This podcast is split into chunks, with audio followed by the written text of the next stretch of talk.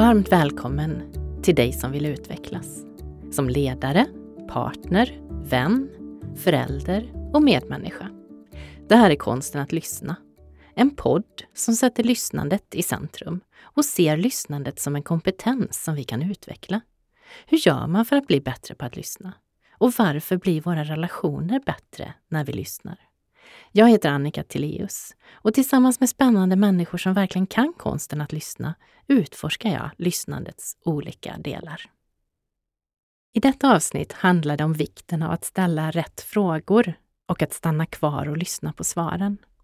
Jag har bjudit in Christian Windahl. Han är företagsledare, kursledare och kallar sig själv Frågespruta. Han är också jättebra på att coacha folk runt omkring. Vi pratar om kraften i att ställa frågor på rätt sätt. Vilken fråga var viktig för att hjälpa Christian framåt när hans pappa hade dött? Och vilka frågor ställer vi till oss själva när vi har fastnat? Det här är konsten att lyssna.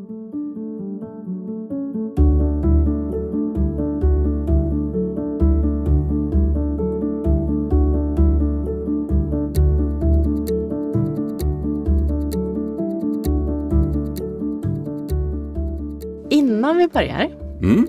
så har jag en eh, liten ritual En ritual. som jag vill att du är med på. Ja, gärna. Jag har eh, skrivit en poddbön. En poddbön. Ja, Låt höra. den går så här. Jag bjuder in den klokaste delen av mig till detta samtal. Låt mig vara öppen, äkta och närvarande. Låt samtalet vara varmt, utforskande och fullt av tillit. Låt oss ta fram det bästa hos varandra och välkomna det som sker. Låt detta samtal bli till ett fint minne som vi skapar tillsammans, här och nu. Amen, säger man då kanske. Ja, nästan. Ja, Ja, kändes lite högtidligt. Vad Jaha. fint. Fin incheckning. Vad bra. Mm. Välkommen hit, Christian Windahl. Tack så mycket, Annika Tilléus. Du kan konsten att ställa frågor och att lyssna på svaren. Jag är intresserad av att ställa frågor och lyssna Ja. på svaren. Helt riktigt. Och du kallar dig frågespruta. Jag är frågespruta. Vad Mm. betyder det? Frågespruta betyder att jag, eh, jag är genuint nyfiken. Ehm, och och det, det kom till som en titel någon gång i tiden. Där folk frågade vad jag egentligen gjorde. Och det var det bästa jag kunde svara. att jag är nyfiken och ställer frågor, ofta. Idag ska vi prata om just det här med att ställa frågor. För det är ju en viktig del av lyssnandet. Mm. Ehm, och jag använder ofta dig för att ställa frågor när jag har kört fast och för att jag ska komma vidare. Så eh, det kändes så självklart att det är du som är gästen i avsnittet om hur man ställer frågor. Tack så mycket för förtroendet. Mm, jättekul att ha dig här. Och varför, varför ska vi ställa frågor? Vi ska ställa frågor av flera olika anledningar. Ehm, det, I det vanliga samtalet så kan det handla om att vi ska förstå. Eh, du, du berättar saker på ett sätt utifrån ditt perspektiv och jag hör det utifrån mitt perspektiv. Och genom att ställa frågor så kan jag bredda mitt eget perspektiv. Det kan handla om att jag ska hjälpa en annan person att vidga sitt perspektiv. Ehm, så att det, det är väldigt kraftfullt med frågor ur, ur många aspekter. Mm. Och det är en väldigt stor del av vårt sätt att kommunicera. Mm. Vi kanske inte tänker på att vi ställer frågor hela tiden. Precis. Och, och det gör vi hela tiden i ett vanligt samtal. Vi, vi har pratat lite grann också om att vi under det här samtalet när vi förbereder oss att skilja lite grann på vem det är som är huvudperson i samtalet. Hur skulle du vilja beskriva skillnaden där? Eller hur, hur, be- berätta mer hur vi tänkte. Ja, hur tänkte vi egentligen? I, i- det här samtalet så, så är vi kanske huvudpersonen kanske växlar lite grann. Du modererar det här samtalet och, och så Vi kan- gör det här tillsammans. Precis. Ja. Ja. Ehm, låt säga att eh, jag pratar med min coach till exempel. Då, då är det jag som är huvudpersonen. Och coachens frågor hjälper mig att tänka bredare helt enkelt. Att hitta nya lösningar hos mig själv helt enkelt.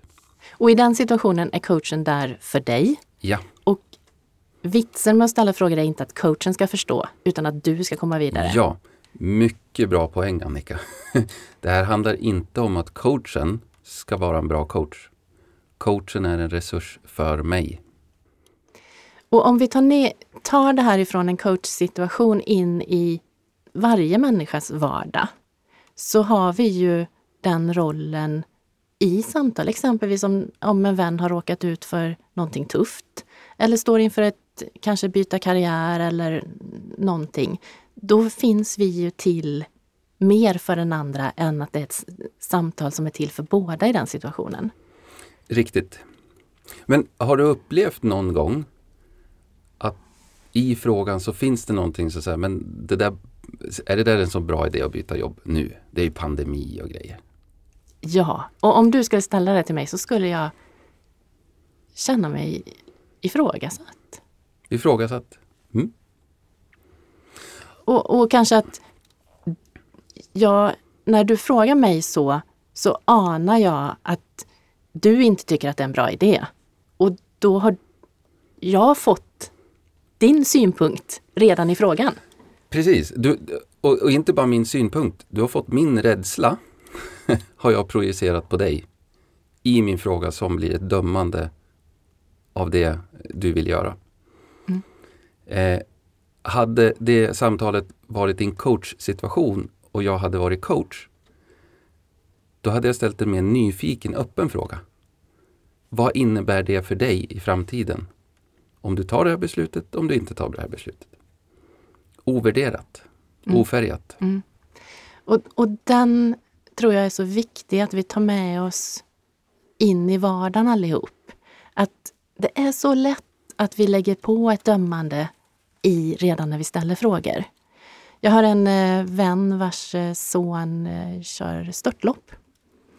Och det här mammahjärtat slår rätt hårt många, många gånger i, i den utsatta situationen som hon upplever att sonen är i.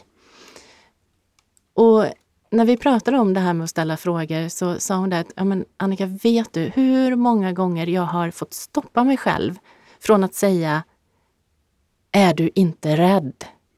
För det är ju min rädsla. Och istället så har jag frågat Hur känns det för dig när du står på startlinjen? Och sonen har svarat äh, Det känns fantastiskt. Jag har kontroll. Så att många gånger så, så bakar vi in våra egna värderingar, rädslor, precis som du säger, redan i frågan. Ja. Det är väldigt vanligt. Och väldigt lätt. Ja. Och, och här får vi hjälpa varandra.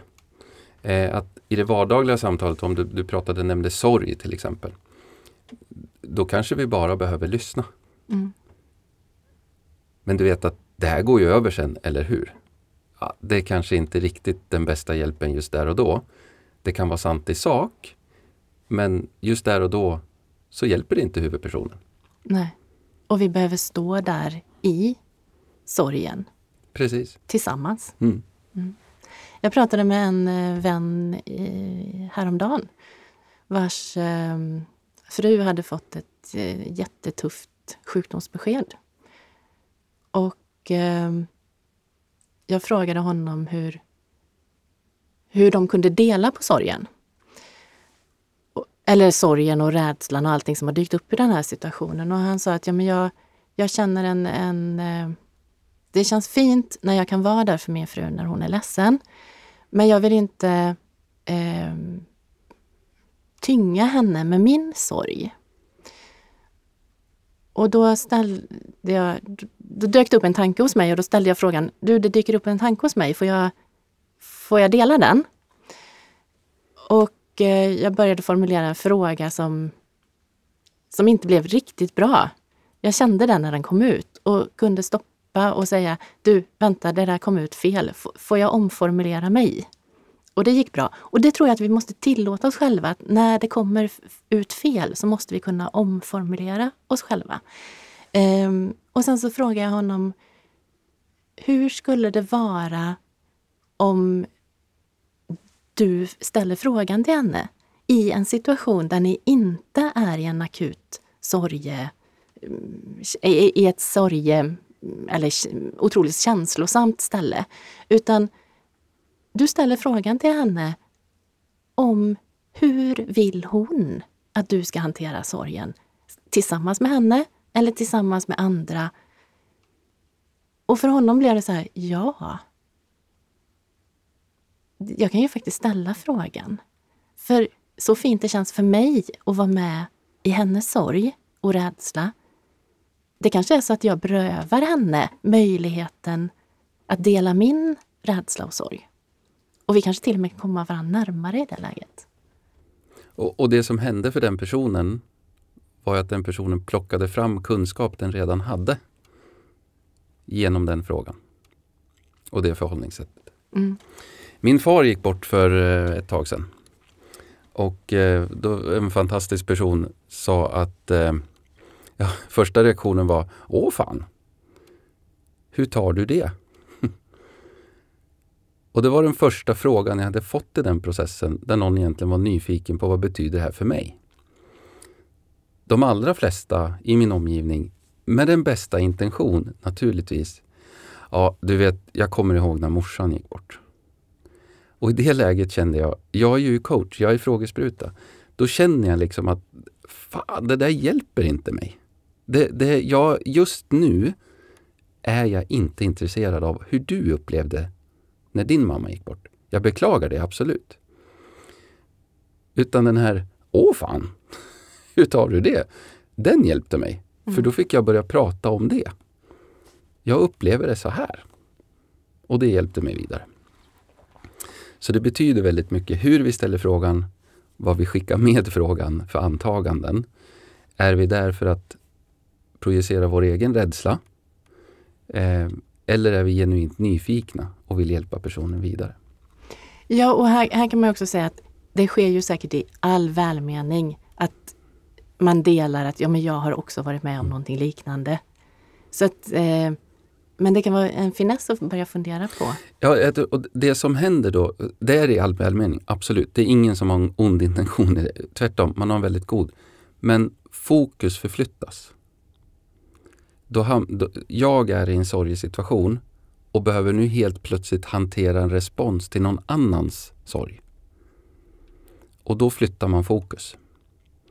Eh, och kan vi undvika det i den typen av situationer så är det lite fiffigt. Jag menar att det tillför ett större värde i relationen och framförallt den personen som är mitt i det. Att få bra frågor. Mm. Utan värdering om hur det är. Är det rätt, fel, bra, dåligt? Ja, och det här med vilken styrka det finns i frågorna just att förflytta fokus. Eh, vilka frågor ställer du till dig själv för att Oj. förflytta ditt fokus? När du behöver det? Ja, ehm det är nog ganska många. Jag, jag gillar att, att, leka med tidslinjen för mig själv och mina klienter eh, och de jag träffar. Och det, det, en sån där fråga som jag tycker är väldigt förlösande det är att om jag står inför ett beslut eller jag behöver liksom komma vidare på något sätt. Alltså, vad betyder det här om ett år? Vad betyder det här om fem år? Och någonstans på den här tidslinjen så fejdar det. Nej, det här betyder ingenting om ett år. Ja, då spelar det ingen roll då. Eller om jag är stressad för någonting. Vad betyder det här om ett år? Ja, ingenting. Då kan det hjälpa mig liksom, att få det, det perspektivet i tid. Ehm, så det är nog den typen av fråga jag ställer mig själv. Alltså vad, eh, att jag förflyttar mig själv på en tänkt tidslinje helt enkelt. Och vad händer i dig då? Ja, det, det som händer är um, i, i vissa fall så är det väldigt magiskt för mig. Vi pratar mycket om i, inom näringslivet att det är viktigt att sätta mål och sådär. För min del handlar det mer om att jag, att jag upplever en, en önskad riktning. Eh, alltså att jag vill uppnå någonting. Eh, och att jag kan, att det liksom händer i mitt huvud redan. Jag kan, jag kan få känslan av att, att lyckas med det där jag vill lyckas med till exempel. Så att det, det som händer i stunden det är att jag börjar tro på mig själv på ett sätt. Och ser att okej, okay, jag behöver göra det här först. Sen behöver jag göra det här. Det börjar växa fram lite aktiviteter kring det här. Det som i stunden kanske bara var, oj, var börjar jag någonstans? Mm. Vilket kraftfullt verktyg. Mycket kraftfullt verktyg. Många gånger när man pratar om frågor så skiljer man på öppna och slutna frågor. Och jag Mm. tror att vi behöver förklara vad... Vi kan inte göra ett avsnitt om frågor utan att prata om det. Det är rimligt. Ja, Ja. Ehm, hur skulle du beskriva ja, hur skulle jag beskriva det? Ehm, visst sitter du ner Annika? Ja, En sluten fråga är en fråga som du kan svara ja eller nej på. Du har två alternativ. Annika, hur känns det när du sitter där? det känns rätt bra. Det känns rätt bra. Okej. Vad är det mer specifikt som gör det bra för dig? Mm, Jag känner mig här och nu Mm. tillsammans med dig. Mm. Och få göra någonting som eh, känns viktigt, spännande. Ja. Vad noterar du för skillnad i vår kommunikation? Det händer så mycket mer. Med de öppna frågorna. Där, där jag ger dig en fråga som jag inte har ett färdigt svar på i mitt huvud, utan du själv får utveckla det.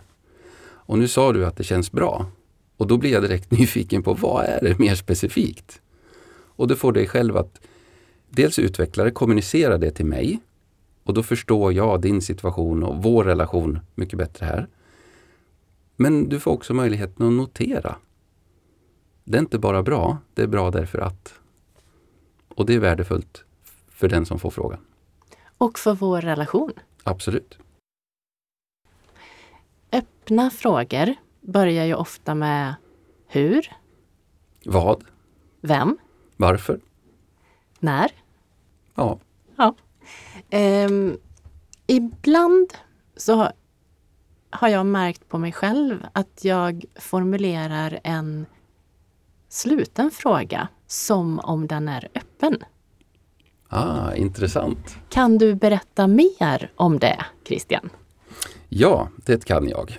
Punkt. Mm, precis. Mm. Ehm, många gånger så blir det en följd att du berättar mer. Men om jag istället ska säga hur fungerar det här? Så börjar din hjärna att hjälpa dig att komma på svaret. Ja. Här är du inne på en nyckelfaktor i frågorna. Hur du ställer frågan åker in i någon form av recept i vår hjärna. Och för lyssnaren här så pekar jag in i min hjärna nu. Och åker jag in i ja nej-träsket, om jag säger så, då finns ju risk att jag missar massa bra saker som ligger där. Eh, frågor har ju det, det intressanta, jag vet inte om du har eller om lyssnaren har någon gång frågat någon runt ett middagsbord så här, kan du skicka saltet?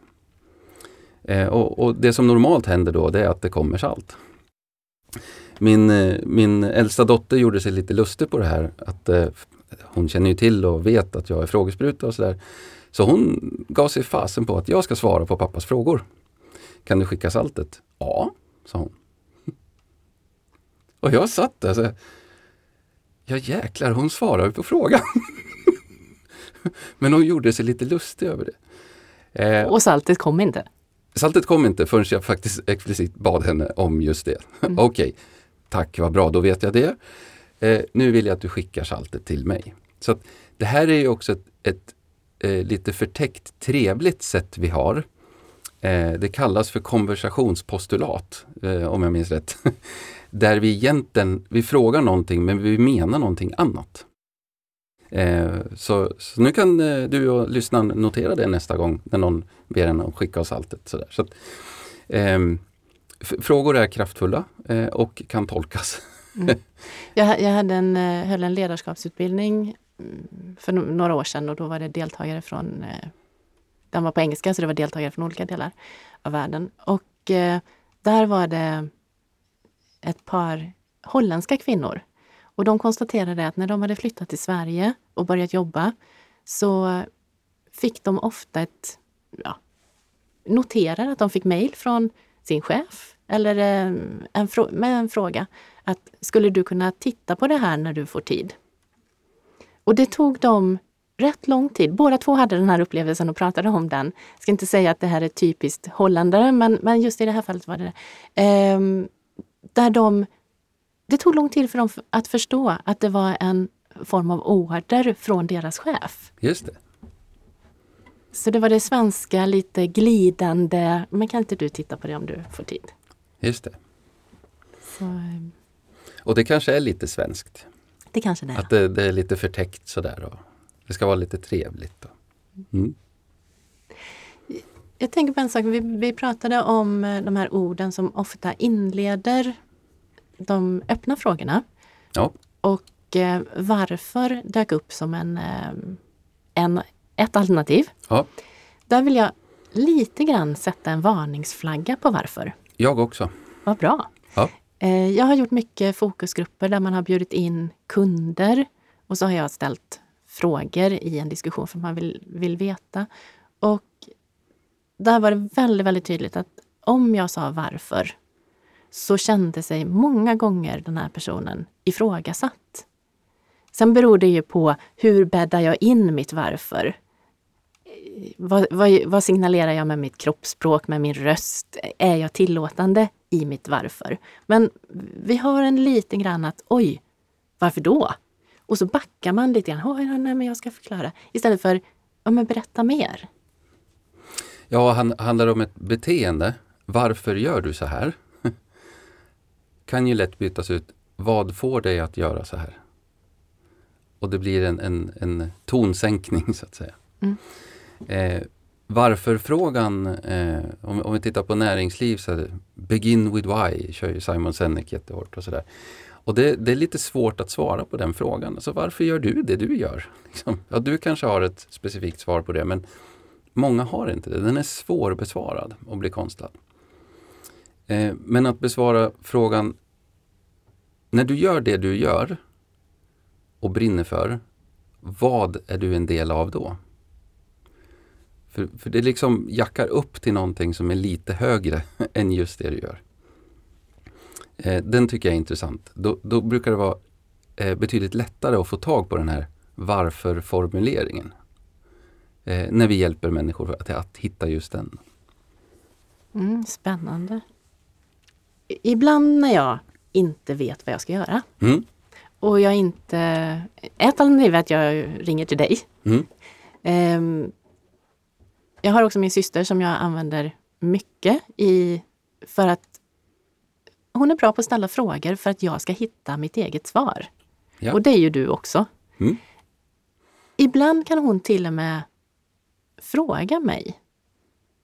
Vilket råd vill du att jag ger dig? Och många gånger, jag blir så förvånad för många gånger har jag svaret när hon ställer den frågan. ja, Fast jag, när jag plockade upp luren för att ringa henne, inte hade tillgång till det där svaret. så frågan drar fram svaret hos dig själv. Ja, Ja. Mm. Intressant. Och vad är din känsla då? Men det är ju där jag vill hitta svaret.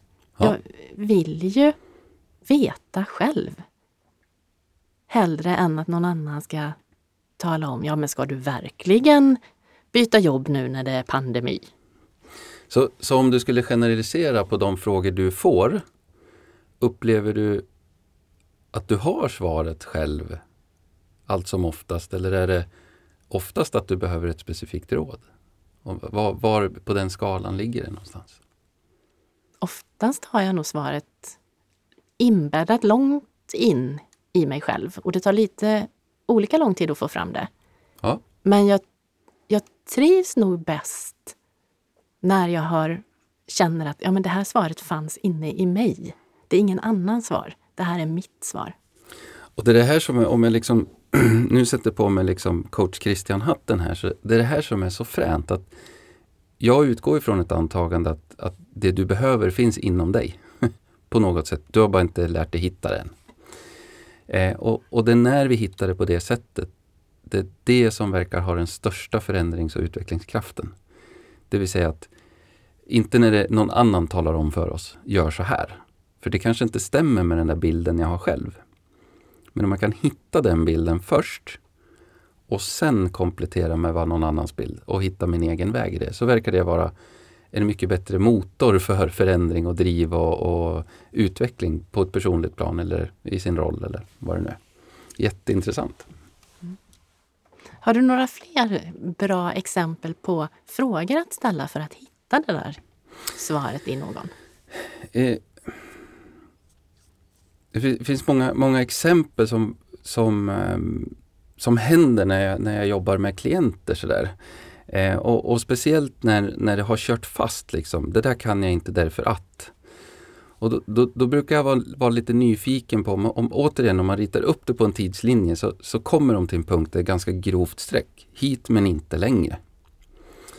Och då brukar jag vara lite nyfiken på precis innan det där strecket. Vad händer då? Hur gör du när det blir omöjligt för dig?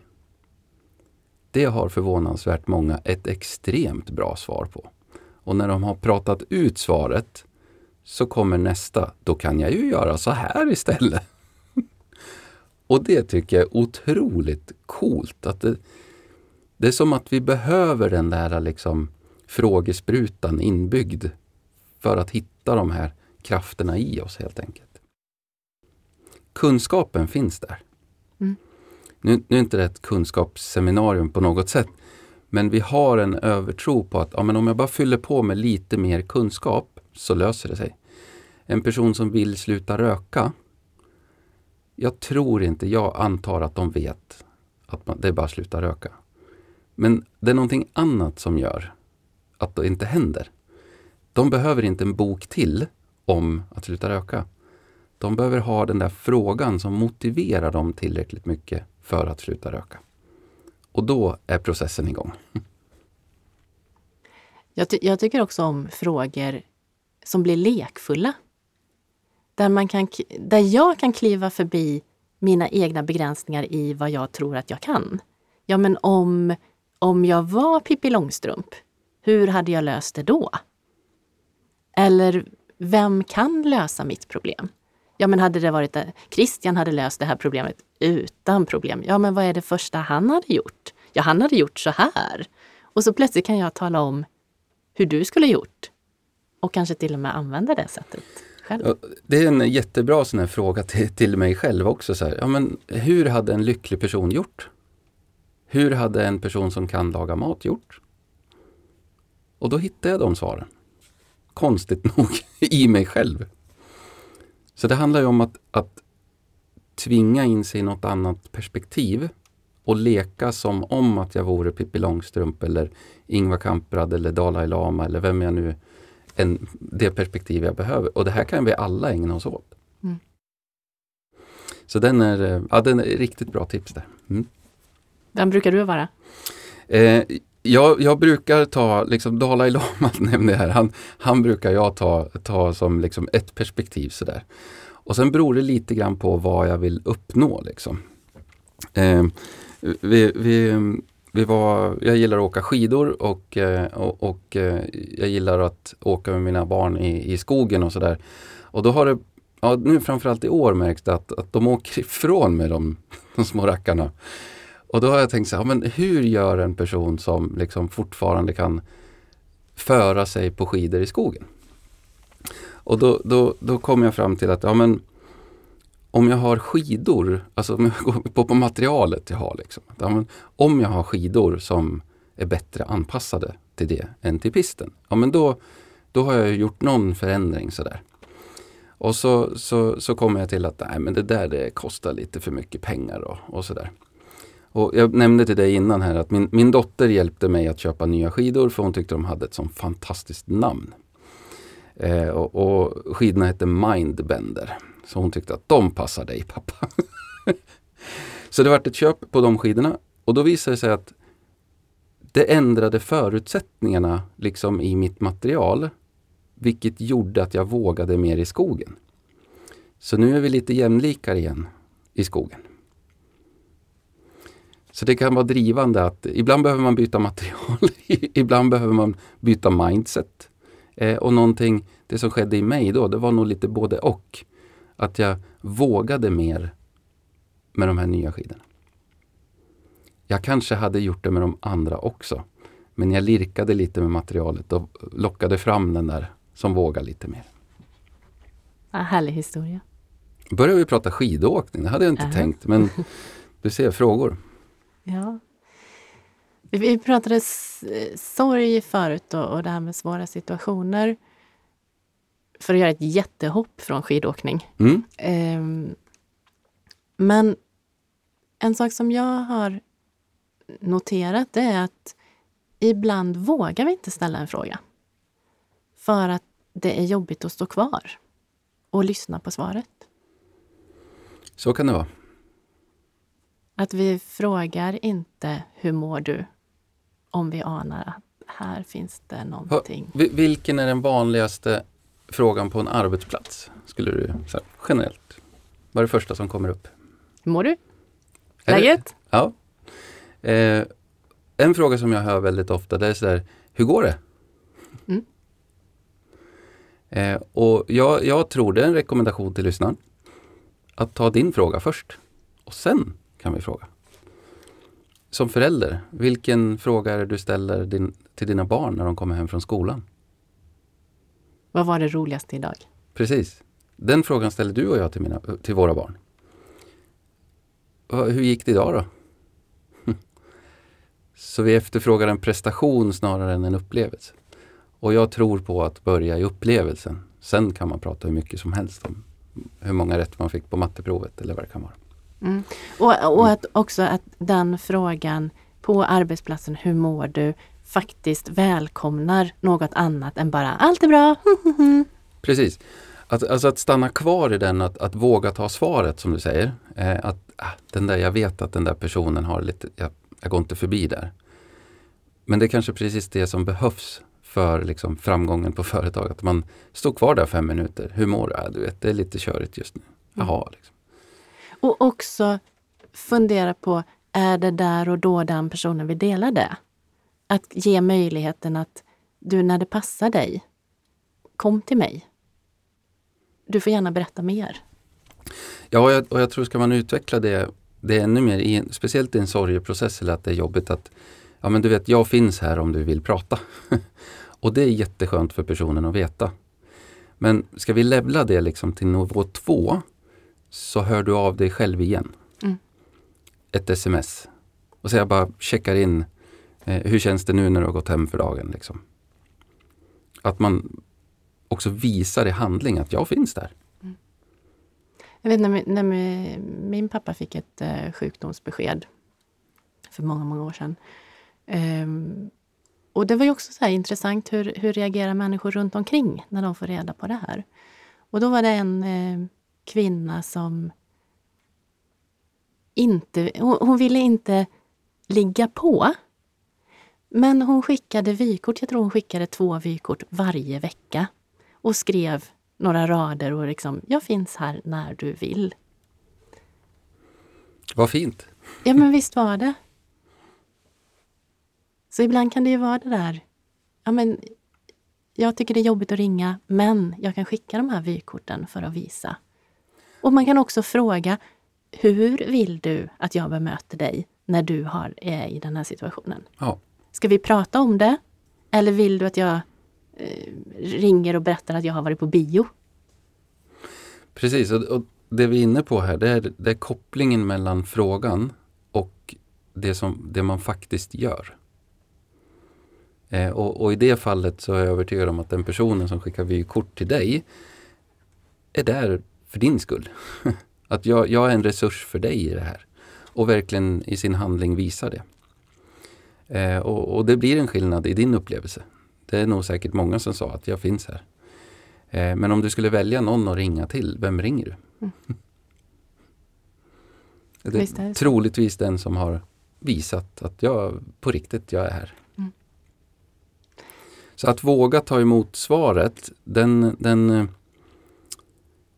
eh, det blir också en sån här skicka saltet-fråga. Hur mår du? Det är mycket folk på kontoret. Och så är man inte liksom riktigt beredd på den där att det kan komma något som, ja men det är inte så här, det är inte saft och bulle liksom. Men att våga stanna i det, eh, vart man än är på väg. Det betyder så otroligt mycket för en annan person. Mm. Och att, in, att också vara lyhörd för om den här personen vill då eller inte. För ibland kan det ju vara att man i princip håller ihop så länge ingen är för snäll mot en. Precis. Precis. Och, det, och det, den personen vill inte dra igång den, den grejen just där och då utan men kanske välkomna det senare. Och kanske skulle behöva det. Precis. Mm. Mm. Jag har fått frågan, en, en, en parentes här någon gång, eller frågan, påstående mer kanske. Um, ibland är vi inte mottagliga för, för svaret, eh, som till exempel hur mår du-frågan. Eh, men om vi går till personen som får frågan så är det inte alldeles säkert att den personen är beredd på vad som kommer upp heller. Och här, här är det viktigt att skilja på vad har jag för roll när jag ställer frågan? Är jag kompis, coach, kollega? Vad, är jag någonstans? Är det ett vanligt samtal så är det helt riskfritt. Men varje fråga får ju någon form av konsekvens. Det händer någonting, positivt, negativt. Och ibland kan vi dra igång saker och ting som personen vare sig är beredd på eller vill. Eh, och då kan det vara så att eh, hindret ligger hos personen själv, att det här svaret som kom upp i mig, det vill inte jag ha. Just nu vill jag bara ha att du nickar med huvudet och tycker synd om mig. Jag vill inte att du ändrar den här känslan. Jag behöver vara det här offret en liten stund. Eh, och när vi är professionella coacher så får vi ha ett litet eh, vaksamt öra för det här och skapa oss själva utrymmet för ja, men ställa frågan, är det okej okay om jag ställer några frågor? Och i vissa fall att vet vi på förhand att det här kommer att påverka. Är du beredd på de konsekvenser? Är du villig att ta de konsekvenser det här innebär? Det har hänt att de pekar på mig som coach och säger att du är en dålig coach. Jag vill inte att du rotar i det här.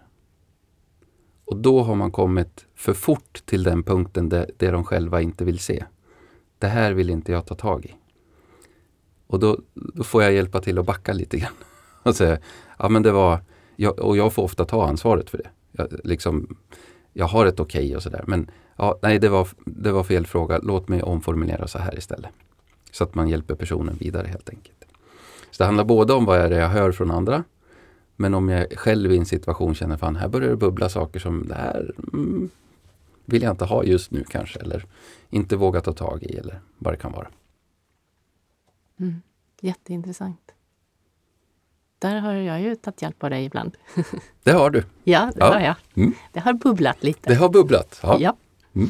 Ehm, och bubblande kan vara väldigt, väldigt obekvämt. Men det kan också få fantastiska konsekvenser när det har fått bubbla lite. Och, och jag tror så här, tittar vi bakåt i våra liv allihopa så där, så har vi stunder där det liksom är upp och det är ner och det är lite sådär. Det händer saker i vårt liv. Allt är inte lika kul. En del saker är asballa liksom. Sådär. Och när jag är nyfiken på när, när vi själva upplever att när har jag som person, när har personlig utveckling skett? När har jag nått nästa nivå i mitt liv? Då är det liksom när det bubblar och är lite jobbigt sådär.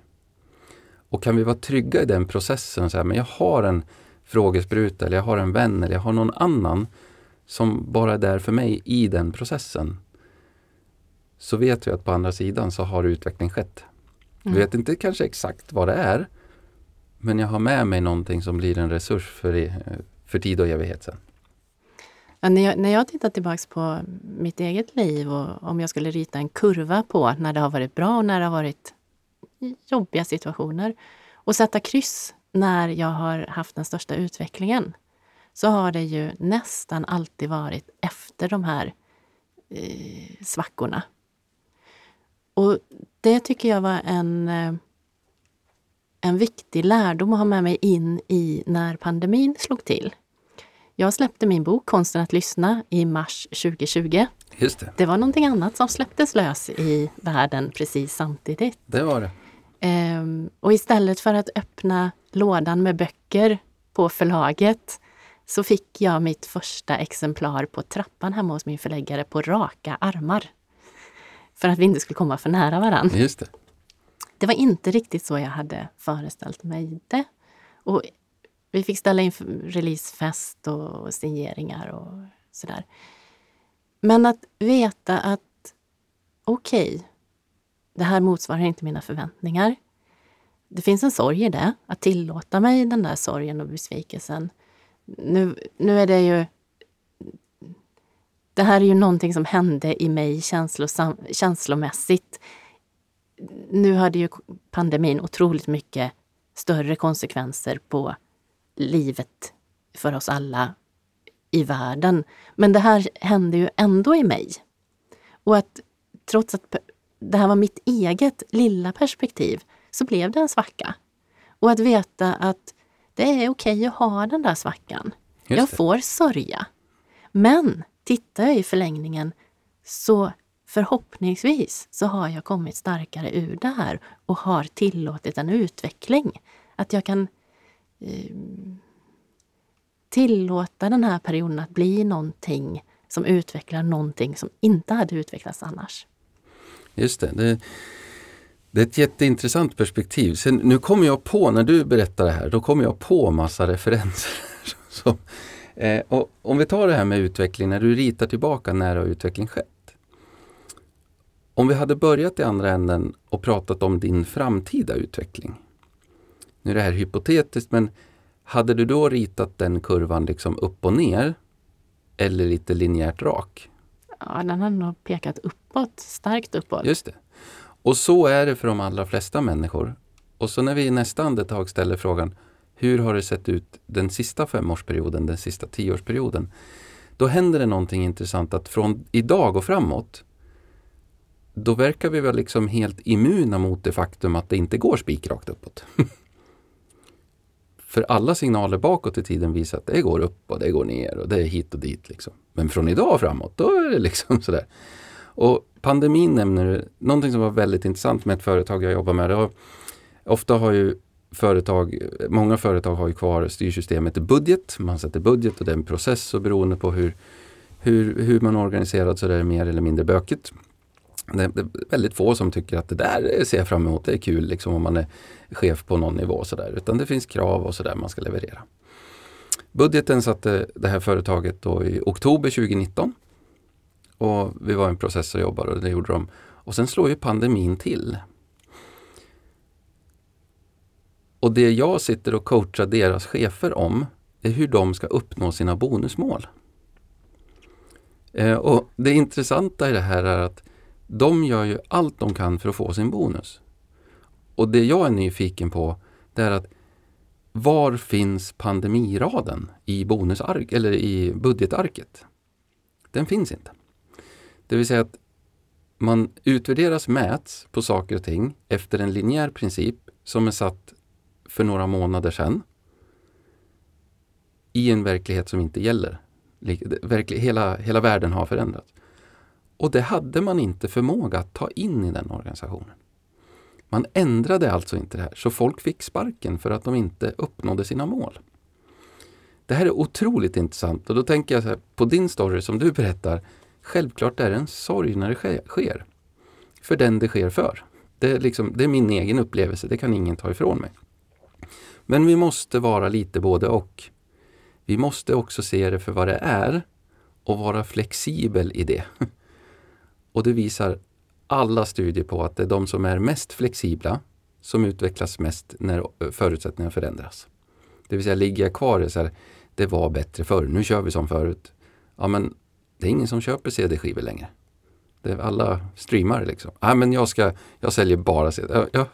Och det, det, det, står ju liksom producenten fritt, tänker jag. Det, det, är klart du får göra det, men din marknadsandel kommer bli mindre. Det är jag helt övertygad om. Så att det är en väldigt intressant process du beskriver där vi behöver vara både och. Vi behöver både tillåta oss sorgen eller svackan men också liksom använda det som en resurs, som en pendel som liksom slänger in oss i framtiden på något sätt. Mm. Och titt, titt, eh, jätteintressant det du säger. Tittar jag tillbaka och ser om jag hade vetat om den här svackan, att jag var på väg in i en period som var jättetuff, så hade jag gjort vad som helst för att undvika den. Fast i backspegeln så är jag ändå glad för de flesta svackor som har varit där, för att de har lett till någonting. V vad tycker du är viktigt att folk lär sig om att ställa frågor? Om du ska sammanfatta någonting som vi har sagt idag.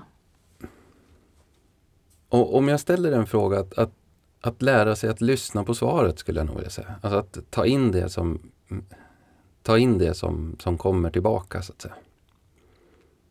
Det, det, det är då det skapar någon form av värde tänker jag. Om jag kan resonera på det som kommer tillbaka. Jättebra. Jag vill också skicka med en eh, liten utmaning, eller en uppmaning kanske, till ja. lyssnarna. Att eh, fundera på hur, och observera hur ställer du frågor? Är det slutna frågor som, bara, som egentligen kan svara ja eller nej på? Eller är det öppna frågor?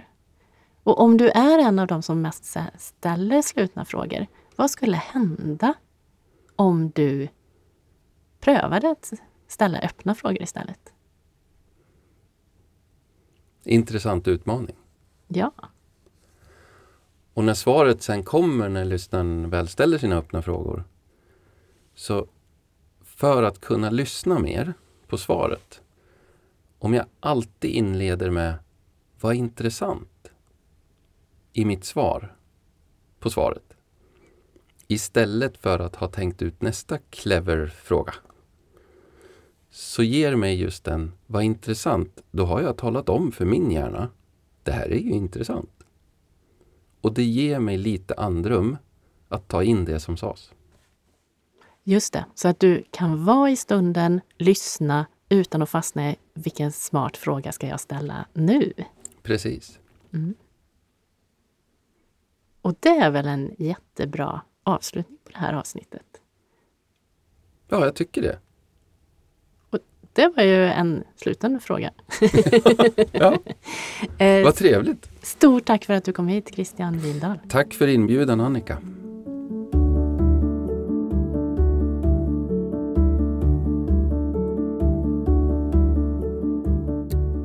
Christian och jag pratade om vikten av att ställa frågor utan att baka in våra egna värderingar och rädslor i frågorna. Vi pratade också om att våga fråga när vi anar att någon inte mår bra och hur viktigt det är att stå kvar och lyssna på svaret. Inte bara i dessa situationer. Hur kan en tänkt tidslinje hjälpa dig när du har kört fast? Och vilka frågor kan du ställa till dig själv för att locka fram svaren du har inom dig? Jag tar med mig många konkreta frågor och tips från det här avsnittet. Och extra mycket betyder det nog för mig att se hur livet har gått upp och ner och hur jag ändå räknar med att det ska gå rakt upp i framtiden. De där svackorna, de har ju också någonting att bjuda på när man tittar på dem i backspegeln. Det här blev ett öppet öppet och utforskande samtal och ett fint minne som vi skapade tillsammans. Tack! Konsten att lyssna finns både som bok och podd och görs tillsammans med Bazar förlag. Alla avsnitt i säsong 1 finns i Podplay-appen och på podplay.se. Självklart helt gratis. För att alla ska kunna lyssna finns avsnitten även textade på konstenatlyssna.se. Vill du ha bonusmaterial och diskutera avsnitten så gå med i Facebookgruppen Konsten att lyssna. Om du gillar podden och vill att fler ska bli bättre på att lyssna så kan du hjälpa till genom att betygsätta podden och dela avsnitten. Tack för att du har lyssnat!